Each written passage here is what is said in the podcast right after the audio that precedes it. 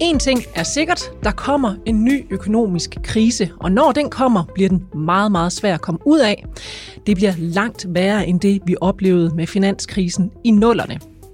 Sådan sagde den sydkoreanske økonom Ha Yun Chang, da han besøgte Bogforum i november i København, hvor han var aktuel med en kritisk bog om økonomisk tænkning. I den forbindelse bad politikken ham gøre status over den globale økonomi efter finanskrisen. Og det lyder jo voldsomt, men kan det nu også passe? Det er altså noget af det, jeg taler med dagens gæster i programmet om. Og vi skal også se på, hvorfor nogen mener, de kan se en krise i kikkerten for 2020. Velkommen til Kejseriet. Jeg hedder Anne Kejser. Og min første gæst er cheføkonom i Jyske Bank, Ib Fredslund Madsen. Velkommen, Ib. Tak.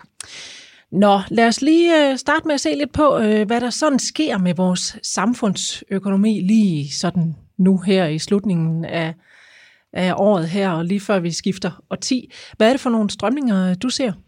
Jamen, vi har jo egentlig været i gang med, med et langt økonomisk opsving siden finanskrisen i 2009. Det har været et svagt økonomisk opsving, og man kan sige, at de sidste halvanden to år, de har faktisk været præget af sådan lidt sløj vækst, specielt af det udsprunget fra den globale industri, der har været ramt af en, af en nedtur. Det har jo blandt andet været opstramninger i Kina, det har været handelskrigen, der ligesom har trykket den globale industri. Det har ikke sådan spredt sig afgørende til servicesektoren, som jo selvfølgelig er det, man, man er, er den største del af de vestlige økonomier. Men, men øh, vi kører med sådan lidt, lidt halvsløj vækst i øjeblikket, og, og 2020 bliver i vores optik også et, et lidt halvsløjt øh, år faktisk, før der måske så begynder at se lidt bedre ud i, mm. i 2021. Hvordan kan man egentlig se det? Hvordan, hvordan, hvad er det, der, der, der sådan udspiller sig nu, som du kan se, det trækker trådet ind i det kommende år? Jamen, det har jo noget at gøre med at kigge på en hel masse økonomiske indikatorer, og så se på, det er jo en form for temperaturmåling af økonomien. Mm. Og der er jo nogen, der måske øh, øh, måler det lidt før end andre. Og det er jo tit nogle af de indikatorer, som vi så prøver at, at kigge på. Øh, dem man som ofte kalder lidt de bløde indikatorer, fordi det ofte måske kan være spørgeskemaundersøgelser, hvor man simpelthen går ud og spørger, ja måske 10-15.000 virksomheder. Og der kan man få et ganske godt billede af, hvordan er situationen egentlig derude, før man begynder at kunne se det, når de er lidt mere hårde nøgletal, industriproduktion og andre ting, øh, de ruller ind. Og der kan vi altså bare se, de sidste halvanden år. Det har altså været sløjt i industrien, det kan vi se nu i, i alle indikatorerne. Og, og den vending, som vi egentlig øh, havde forventet, der skulle, der skulle komme, den, den, den sker noget tøvende. Der er måske en stabilisering på vej i industrien, men øh, når vi sådan kigger øh, bredt derude, specielt i USA. I USA vi er lidt nervøs for for 2020. Tænk på USA, de har den laveste arbejdsløshed siden 1969. Og i en eller anden forstand er ressourcerne måske næsten ved at være, være, være, være opbrugt i USA. Det er det, der bekymrer os lidt, og som får os til at sige, ah, 2020 ser, ser altså lidt, øh, lidt sløj ud, hvad det, hvad det angår. Og nu startede jo så programmet med at, at, at sige, citere den her øh, sydkoreanske økonom her, øh, som må man sige var ret klar i spyttet og sagde, nu så venner, nu kommer der altså en krise, og den bliver værre ja. end den, vi så øh, her for en, en 10 års, øh, godt og vel 10 års tid siden. Øh, de ting, du nævner her, er det sådan nogle tegn på, at der er en krise på vej? Ja, det er det, men jeg er faktisk egentlig uenig med, med den økonom, du citerer der. Jeg tror ikke, det bliver en ny øh, finanskrise. Der er tit sådan ofte en tendens til, at, at den krise, vi har, vi har oplevet sidste gang, at det er den, man så også kopierer til, øh, til næste gang. Jeg, jeg synes, der er nogle, nogle afgørende forskelle i forhold til finanskrisen. Finanskrisen var jo sådan det, som man kunne kalde måske sådan en 80-års krise. Det var virkelig dybt, det vi så dengang. Mm.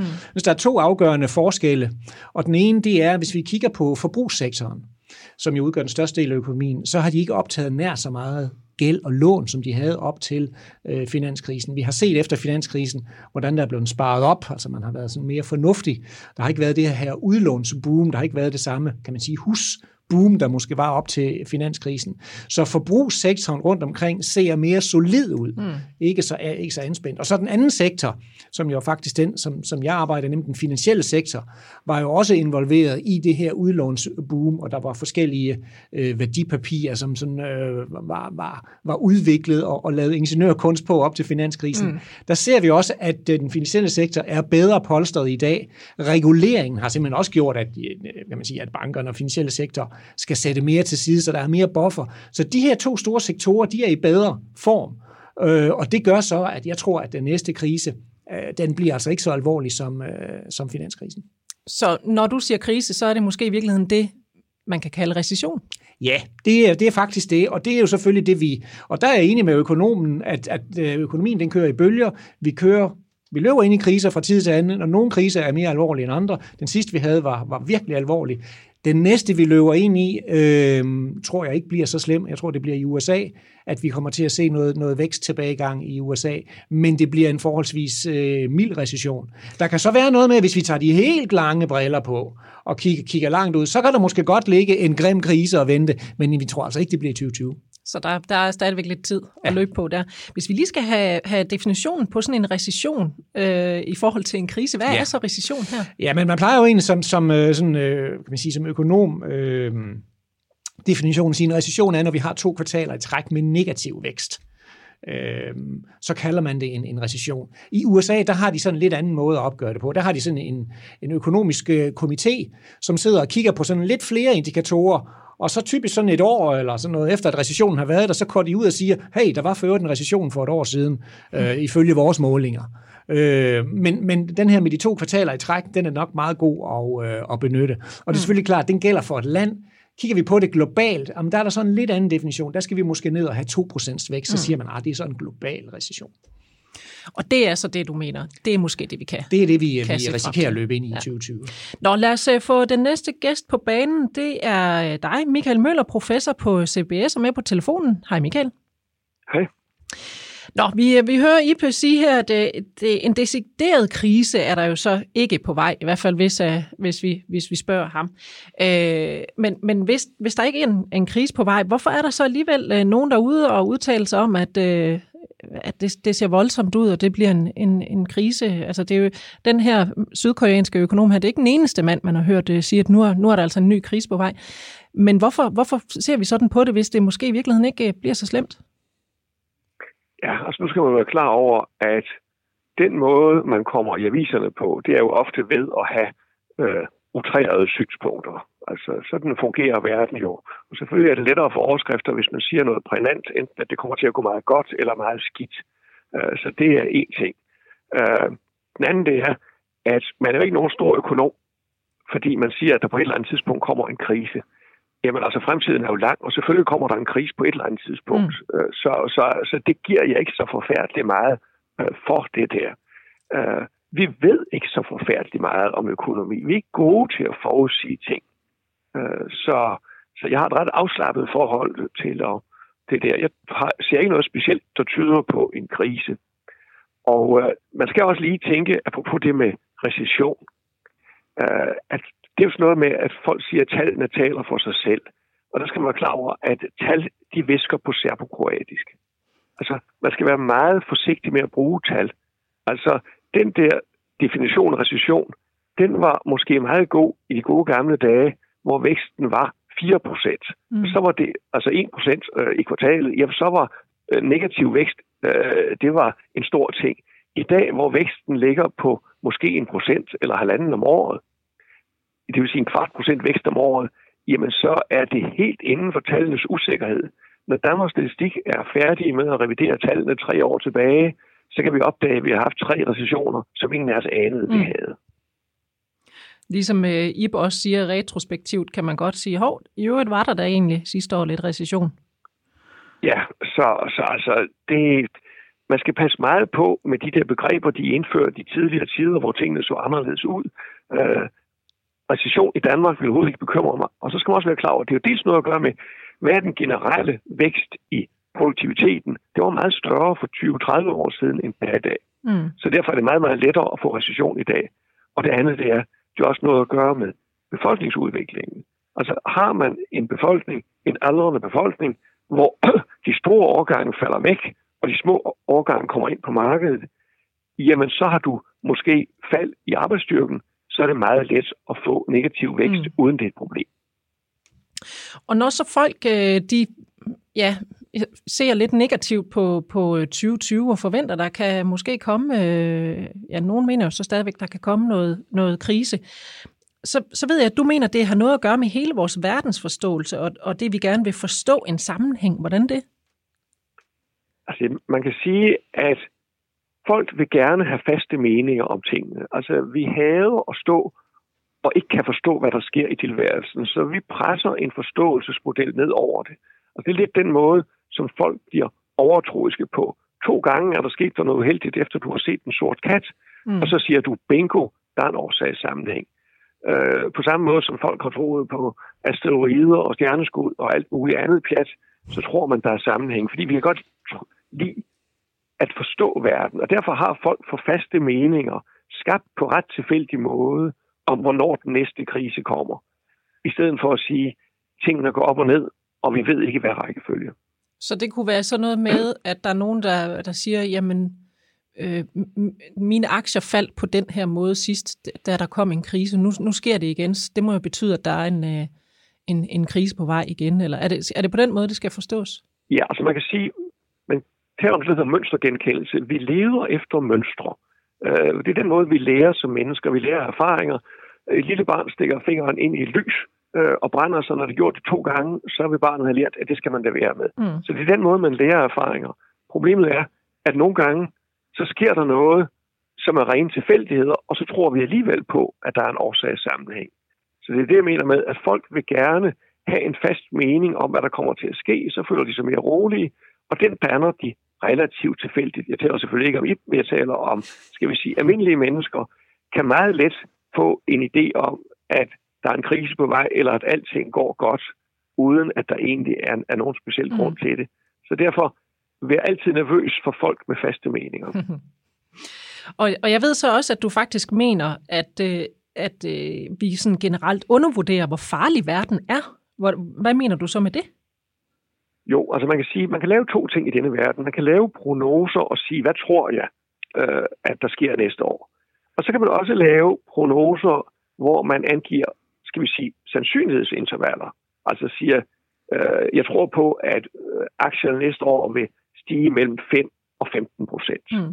Altså den type prognoser. Og så skal man altid, når folk laver sådan nogle grænser, så skal man altid spørge dem, er det et interval inden for hvilket du føler dig 50 procent sikker, eller 95 procent sikker, eller 99 procent sikker? Og der viser al erfaring, at folk sætter de der intervaller alt, alt for snævert. Altså vi er simpelthen ikke klar over, hvor usikker verden er. Så altså, hvis nu IP skal lave en prognose over det danske aktiemarked i næste år, øh, eller jeg skal, så vil vi sige, at vi er nogenlunde sikre på, at aktierne ikke falder med mere end 20 procent, og de stiger nok heller ikke mere end 30. Men, men, og det er jo ikke, det vil folk sige, det var sgu ikke meget af en prognose. Mm. Og det er det heller ikke. Men det er, hvad et edroligt menneske kan sige om aktiekursudviklingen. For hvis en eller anden vil sige til mig, at jeg er 90 procent sikker på, at de vokser mellem 0 og 10 procent, så vil jeg meget gerne væde 20 mod 1 på det modsatte. At det er mere sandsynligt, det er rimelig sandsynligt, at vi havner under 0 eller over 10. Så det jeg mener med, at folk de vælger for snævre intervaller, når de skal bedømme, hvor usikker verden er. Men hvis man så gør det, øh, at giver det så ikke også øh, meget god mening, og at, at vi så måske ser lidt, lidt negativt på fremtiden og, og prøver at vogte os øh, mod en krise? Jo, i den forstand, at det er en vældig, vældig god idé, at du altid i din økonomi er forberedt på et negativt scenarie. Øh, altså, og det vil sige, det er et af de områder, hvor mange mennesker ikke tænker nok. Det er, det er utrolig klogt at have en finansiel reserve til, hvis der nu sker noget mm. urimeligt og noget ubehageligt af en eller anden art. Og vi kan jo se, at forbløffende mange mennesker, de har ikke en finansiel reserve, og det vil så sige, hvis der sker et mindre uheld, altså tænk blot på, hvor mange mennesker, der tager kviklån, mm. på grund af, at en vaskemaskine ryger eller et eller andet, øh, så må man sige, jamen så har de jo slet ikke forstået, at de lever i en usikker verden, hvor tænder kan brække og cykler kan blive stjålet. Mm. Og det gælder måske endnu mere, altså fred med de små beslutninger, men det gælder jo også med huskøb og den slags ting, at der skal man tænke sig grundigt om, før man kaster sig ud i det. Fordi hvad er risikoen for skilsmisse? Hvad er risikoen for øh, jobskift til en anden del af landet? Hvad er øh, sandsynligheden øh, for, at du mister dit job? Mm. Altså, der skal folk øh, tænke over, at vi lever i en usikker verden. Ib, øh, jeg tager lige fat i, i dig igen. Hvorfor tror du, at, at folk, de, øh, i hvert fald nogen, nærmest kan få forvente, at, øh, at nu kommer det altså til at, at gå skidt igen. Vi har jo hørt det der med, nu er det gået godt i så mange år, nu må der jo altså også snart være noget på vej, der ikke er så godt længere. Jamen, det tror jeg, det er selvfølgelig en af, af tingene, at, at alle ved, at tingene går, går i bølger, og det er lang tid siden, vi har haft den sidste, den sidste nedtur det er så rigtigt, så tror jeg, der er nogen, der laver den fejl, at de siger, okay, øh, vi får nok en lignende nedtur, fordi det er den nedtur, jeg kan huske, og så bliver det nok det samme igen. Mm. Det, er, det er selvfølgelig øh, absolut ikke givet. Øhm, og så tror jeg så selvfølgelig, man er jo nok også Jeg tror for eksempel også, at medier er selvfølgelig også altid, altid på udkig efter, når er der, er der et eller andet ubehageligt i, øh, i, øh, i kikkerten. Og så tror jeg da også, at der er en græn af sandheden, at, at hvis man gerne vil, øh, vil, vil nævne til overskrifterne, jamen så er det jo ikke dem, der ligesom ligger, ligger midt på vejen. Så er det jo enten, hvis man er ekstremt pessimistisk eller ekstremt optimistisk, der, der kommer ud og sige noget. Men vi prøver jo hele tiden også stadigvæk at, ligesom at tage udgangspunkt i den økonomiske nøgletalstrøm, der er, fordi mm. vi mener jo om det. De har, det har trods alt lidt eller andet at sige. Kig på tidlige kriser, hvordan har tallene bevæget sig op til, øh, og så prøv at kigge på, er det robust, er det noget, vi ser lignende tegn. Men det er selvfølgelig sådan, at hver krise er jo forskellig. Så det betyder, at der er altid en lille drejning i nogle af tallene. Mm. Det er jo ikke sådan, at altså, så let er økonomi heller ikke, at det er en eksakt videnskab, man bare skal kigge på. Når hvad skete der sidste gang? Jamen, så skal vi bare se, følger det nøjagtigt det samme interval. Men der er jo et eller andet element af, af, af gentagelse i det her, og det er jo det, der får os til at sige, ah, der er altså nogle, nogle faresignaler her, som vi synes er, er lidt ubehagelige. Men mm. der er selvfølgelig også det, og det er jo selvfølgelig også det, som økonomer gør. De kan gå ud og sige, mine antagelser, de holdt altså ikke. Så, så, så nu øh, tror jeg ikke på, at der kommer en krise øh, næste år. Nu er det først næste år igen. Altså det, det, det ser vi jo også. Men der er jo også der er jo meget en forventning også fra ja, både fra kunder og fra medier og fra andre, siger, jamen, vi vil gerne have den der sikkerhed. Kom nu med dit bud. Det må være det, du er ansat for at komme med det her mm. bud på. Øhm, hvad skal der ske med aktiemarkedet? Hvad skal der ske med økonomien? Og det er jo rigtigt, vi prøver selvfølgelig også at skrive, der er altid en, en, en vis usikkerhed. Og der tror jeg bare, der holder den ikke i, i hvert fald i vores branche, vi kommer ud og siger, jamen jeg tror, at væksten bliver et sted mellem øh, minus 10 og plus 10 så får vi nok ret. Men der er jo ikke meget, det svarer til lidt sådan til, at meteorologen siger, at jeg tror, det kommer enten til at regne, eller være sol, eller, eller være sne i morgen. Øh, og så, så får meteorologen jo egentlig ret, men der er jo ikke meget indsnævring af forudsigelserne der. Så derfor går vi måske så også lidt på kompromis og siger, okay, vi prøver at indsnævre intervallet lidt og sige, det, det, det peger lidt mere i den her retning. Det, mm. det, det synes vi, og, og for eksempel, at det er i retning mod en, en, en mindre krise, der er på vej. Så, så bare det, at vi, altså vi, vi antager, at noget er på vej, vi har en forventning om, at, øh, at der er en krise, eller i hvert fald en recession på vej, det gør, at vi, vi også kommer til at handle øh, anderledes, øh, end, vi, end vi ellers gør. Og Michael Møller, hvordan, øh, hvordan gør vi så det? Ja, altså nu skal man være klar over, at, at lige starte med at sige, at det er jo langt fra alle, der handler som om, de forventer en krise. Der er mm. masser, der siger, at det går jo fint, så de bruger, hvad de tjener, og de tænker ikke på det. Men hvis der kommer mange, der føler, at der er en krise på vej, så er det klart, så kan det blive selvforstærkende, fordi hvis vi alle sammen sparer op fordi vi forventer en krise, og dermed sætter vores forbrug ned, ja, så bliver der jo arbejdsløshed rundt omkring i systemet, og så mm. kommer der en krise. Så på den måde øh, kan tingene forstærke sig selv. Og øh, det er, skal vi sige, vanskeligt at gøre noget ved. Øh, som sagt, min eneste trøst, det er, at folk ikke handler så ens. Altså, vi handler jo utrolig forskelligt, gudskelov. Mm. Øh, fordi folk har faste meninger, men de har jo nået til vidt forskellige resultater. Det kan man jo se også i både USA og England, hvor folk har meget, meget faste meninger, men øh, de har jo stik modsatte holdninger. Så så længe verden ser sådan ud, så går det endda. Det værste det er, hvis alle mener fuldstændig det samme, og alle siger, nu kommer der en krise. Mm. Fordi så, så, så falder beskæftigelsen og produktionen, så kommer krisen med mindre staten gør noget. Og der er jo så den konklusion, som ofte er blevet påpeget, at Nationalbankerne, de kan ikke sætte renterne længere ned i Europa. Amerikanerne kan stadigvæk godt, for de har stadigvæk 1,5 procent renter eller omkring. Men vi, der har negativ rente så langt øjet rækker, for os er det svært at sætte renten ned, så vi mm. har sådan set kun et middel tilbage, hvis der skal ske noget, og det er finanspolitik. Det vil sige, at staten må øge udgifterne eller sætte skatterne ned for at få gang i forbruget. Mm. Og der er der forskel på, hvad landene kan gøre. Danmark kunne gøre mere end de fleste, øh, Sydeuropa, de har brugt alt krudtet øh, militært. Og Ip Fredslund, hvad, hvad kan det så have af, af betydninger og konsekvenser sådan for, for vores egen, men altså også øh, den mere globale økonomi? Ja, du tænker, hvis der kommer en krise? Ja, eller det her med, at vi forventer, ja. at, at der begynder at handle efter noget, vi tror kommer. Jamen det er jo, altså man kan sige, at økonomien er, er jo sammensat af, hvad den enkelte menneske, den enkelte virksomhed gør. Og vi kan jo for eksempel observere, at, at der nok har været, i og med at finanskrisen var rigtig slem, øh, i 2008-2009, øh, så har man kunne observere, i hvert fald sådan på, på overordnet plan, at, at mange øh, forbrugere sparer mere op. Der er også nogen, der har nedbragt deres, deres gæld. Der er selvfølgelig store forskelle. Der vil selvfølgelig også være, være en, en del, hvor, hvor det ikke passer på. Når man kigger på det aggregeret, så kan man faktisk observere, at øh, den besparelse, som mange har fået via de lave renter, som er faldet siden finanskrisen, den er altså ikke blevet omsat i noget forbrug, den er blevet omsat i noget opsparing. Folk mm. har altså sparet mere op. Øh, måske fordi de ligesom med en form for granatschok har været påvirket i rigtig lang tid. Hvad var der, der skete der under, under finanskrisen? At det kan folk altså godt huske, i hvert fald nogen kan, kan huske det. Så vi faktisk har set en, en stigning i opsparing. Så det er jo allerede en ændring i adfærd, selvom vi jo ikke har nogen krise lige nu og her. Så, så har det allerede sat sig nogle spor i folks adfærd, så de måske øh, har ændret deres opsparingsadfærd. Og hvordan ser den adfærd ud lige nu, sådan i tal? Jamen, den ser ud på den måde, at at i hvert fald vi, vi i hvert fald nok har fordoblet øh, opsparingen i forhold til øh, før, før finanskrisen. At man kan simpelthen observere på de aggregerede tal, at øh, folk har altså øget deres opsparing, og de har så også kunnet gøre det, fordi de har fået en lettelse af de lave renter, men, men den lettelse kunne jo være omsat til mhm. rejser mm. eller et eller andet, men den er altså i stor stil blevet omsat til en, en øget opsparing, så det er altså sådan et eller, andet, et eller andet forsigtighedselement, vi i hvert fald kan se aggregeret set, der er sket, og det er ikke bare et dansk fænomen, vi kan også se det andre steder. Den amerikanske opsparing er faktisk også væsentligt højere i dag, øh, end den var før finanskrisen. Mm. Så det har, det har sat sig nogle, kan man sige, nogle spor i folk, at de oplevede, ja, altså sådan en nærdødsoplevelse under, under, under finanskrisen, hvor vi jo havde nogle, nogle kæmpe udsving, både i økonomien og i, og i markederne. Så det, det, på den måde kan man jo så sige, at det, det har så måske i virkeligheden holdt vores vækst lidt tilbage. Den kunne måske have været højere, hvis folk ligesom har sagt, okay, det var det, lad os nu bruge rentebesparelsen til noget, til noget, til noget forbrug. Men der har aggregeret set folk altså været mere forsigtige. Mm. Og Michael Møller, giver det, giver det god mening så, at vi, vi egentlig sparer mere op?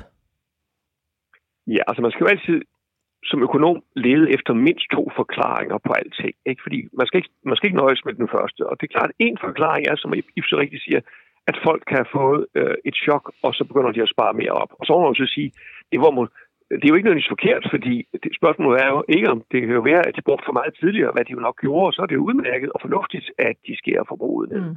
Øh, så, så der er ikke noget problem øh, i det. Det andet det er, at mange står jo over for, at alt det, der er sket i de sidste 10 år, det har gjort, at vores pensionsforventninger er blevet meget, meget ringere. der er sket to ting. Det ene det er, at vi kommer til at leve noget længere, end vi havde regnet med. Og punkt to, at renterne på vores pensionsopsparing, øh, de bliver luset frem efter. Mm. Fordi når renten er negativ, så vokser din penge i pension ikke ret meget. Det vil sige, så er du nødt til at lægge flere penge til side for at kunne opretholde den samme mm. levestandard. Så vi ved egentlig ikke, om det er det ene eller det andet, der er årsagen til. Øh, fordi det kan sagtens være, at folk er blevet lidt rystet over at se, hvor mange penge de egentlig skal lægge til side for at have noget at leve af som pensionister. Så altså, og øh, apropos de her aggregerede tal, Altså, det kan nogle gange være svært at se på det reagerede tal, hvad der er forskydninger. Altså for eksempel, det vi jo ofte fremhæver, det er, at der står, jeg tror det er 900 milliarder i bankerne, og det er større end nogensinde før. Mm. Og de vil forsvinde utroligt hurtigt, hvis bankerne indførte negative renter på halvanden procent, fordi så vil folk købe de obligationer, de købte tidligere. Men som det er nu, så giver bankerne folk et urimeligt godt tilbud, altså en meget, meget høj rente. Så alle, der før købte obligationer, de lader nu glade og gerne pengene stå i banken øh, fordi der får de et bedre afkast, hvis de mm. køber obligationer. Så øh, der er mange mulige forklaringer, men jeg vil dog så lige sige, til, for nu at sige, hvor vi er uenige, fordi vi er generelt meget enige, det er, at i Danmark i hvert fald er det svært at se nogen grund til, at folk skulle gå ud og bruge mere. Fordi vi kører jo på fuld beskæftigelse. Altså uanset hvad danskerne bruger, så kan vi jo ikke få mere end fuld beskæftigelse. Altså, beskæftigelsen er særdeles god i Danmark. Så hvis vi bruger noget mere, så bliver det til mere import. Det bliver ikke til større vækst, efter min mening, fordi der er ikke rigtig, øh, der er ikke så mange øh, ubeskæftigede hænder i økonomien. Og det er du så ikke helt enig i, eller hvad? Yep. Jo, jo, det er, det er rigtigt. Vi har jo øh, vi har jo fuld beskæftigelse i, øh, i Danmark, og det kører jo egentlig også danske vækst, altså i forhold til, hvad, hvad, hvad, hvad Danmark kan opnå, med vores arbejdsstyrke, med vores produktivitet, så har vi egentlig kørt egentlig ganske, ganske fornuftigt. Det er jo sådan med, med, med Danmark, vi er jo ekstremt eksportorienteret land. Øh, vi har, vi har sat alle pengene på, øh, på eksport, så vi er utrolig afhængige af, hvad sker der ude i resten af verden. Mm. Øh, ser vi noget nedgang i USA eller andre steder, så vil det helt sikkert komme til at ramme Danmark, fordi øh, Danmark er et, øh, et eksportland. Så derfor er vi, er vi ikke så meget, kan man sige, heller selv herover, hvad, hvad der kommer til at ske. Hvis der sker noget grimt i udlandet, så kan vi altså ikke undgå, at det også kommer ind og påvirke den, øh, den danske økonomi i en eller anden forstand. Og Michael Møller, øh, det her med, at, at, at folk, der er i hvert fald nogen, der, der er ude og, og sige, jamen øh, det ser altså ud til, at øh, ja, vi skal se lidt mere negativt øh, på vores økonomi i det kommende års tid. Øh, og du mener jo så, at det behøver vi ikke nødvendigvis. Altså, er det, giver det overhovedet mening at, at gå ud og kommunikere, jamen rolig, rolig, det, øh, der, alt er godt, øh, det, det ser faktisk rigtig fint ud. Kan man overhovedet overbevise folk om, at det er godt? Og det bliver ved med at være godt et stykke tid nu. Altså, punkt et, jeg synes, man skal være vanskelig med at kommunikere faste synspunkter, men, men, men altså, jeg tror ikke, at folk er så nervøse, når jeg ser på, hvad der sker, fordi et af de områder, hvor jeg ville tro, at diversiteten først skal så udslag, øh, det var bolig- og byggemarkedet, fordi øh, hvis du tror på, at der kommer øh, en, en lavkonjunktur i 2020, så det første, du gør, det er, at du siger, nu vil jeg for guds skyld ikke købe hus i 2019. Mm fordi så vil jeg kunne købe det billigere om et år. Ja. Og jeg vil være meget tilbage, tilbageholdende med at bygge nyt, fordi så skal jeg ud og sælge det på det tidspunkt, da alting går helvede til. Men det er jo ikke fordi, at huspriserne og ejerlejlighedspriserne tyder på sådan nogle stor kriseudsigt. Mm. Øh, og så kan man så sige, og derfor skal man også passe lidt på, det er det der med, at lad os nu sige, at huspriserne har vokset med 10 procent, og så falder væksten til 2 procent, og så siger folk, jamen det er jo krise. Nej, fordi 2 procent vækst eller 1 procent vækst i huspriserne, det er sådan set det, vi vil kalde det normale. Det er det, vi vil forvente, at de skal være. Mm. Så vi har haft en periode, hvor vi har tilpasset huspriserne opad, men de langsigtede forventninger vil altid være en beskeden stigning på mellem 0 og, og, og 2 procent, når vi ikke rigtig har nogen inflation af betydning. Så jeg synes egentlig, at tingene tyder på, at folk er sådan rimelig afslappede, de fleste mennesker. Er du enig i? Jo, men altså, jeg tror også, at den krise, vi egentlig snakker om, det er nok også mere USA, vi har fat i. Vi ser egentlig ikke nogen, vi ser ikke nogen recession i Danmark øh, i, i, i 2020 på den måde. Der vil selvfølgelig være noget afsmitning fra, og der kan være noget afsmitning fra USA, hvis USA løber ind i noget, i noget vækstnedgang. Men, men det er jo rigtigt, vi har jo egentlig haft en fornuftig vækst i, øh, i år. Den kommer så måske til at gå, gå en anelse ned. Vi kan se lidt på nogle af beskæftigelsestallene. Beskæftigelsen stiger ikke så meget mere. Men det er selvfølgelig stadigvæk en stigning i beskæftigelsen. Det går bare ikke helt så rest, som det gjorde tidligere. Så det er selvfølgelig en relativ forværing, men, men det er jo ikke sådan, at uha, nu, nu falder, nu falder det hele sammen. Det er bare måske knap så godt som i 2019, men det er måske stadigvæk okay til 2020. Så øh, det bliver altså spændende at se, hvad der kommer til at ske næste år. Vi går ind i et helt nyt årti, øh, og hvordan det så kommer til at opføre sig øh, økonomisk, det ved vi jo så ikke endnu. Men øh, nu er vi i hvert fald blevet lidt klogere på, øh, hvorfor vi måske selv, øh, af, nogen af os i hvert fald, går og, og frygter en ny, ny krise og at vi måske godt kan slå lidt øh, koldt vand i blodet i den retning. Godt nytår til, til jer. Tak for øh, besøget. Michael Møller, professor på øh, CBS. Og også til dig, i Fredslund, chefstrateg i Jysk Bank. Velkommen. Og øh, også godt nytår til dig, der lyttede med. Vi øh, lytter ved næste år, men faktisk så må du vente lidt på sprit nye afsnit af Kejseriet. Vi går, vi går nemlig i gang med at udvikle videre på øh, Kejseriet-konceptet, og vi regner med at udkomme i en øh, lidt ny udgave til marts. Indtil da, der kan du lytte til gamle afsnit af Kejseriet, og øh, så laver vi også en omgang Best of afsnit, hvor vi har kogt nogle af programmerne ned og serverer højdepunkter for dig. Jeg hedder Anne Kejser, tak for nu, og på genhør i 2020.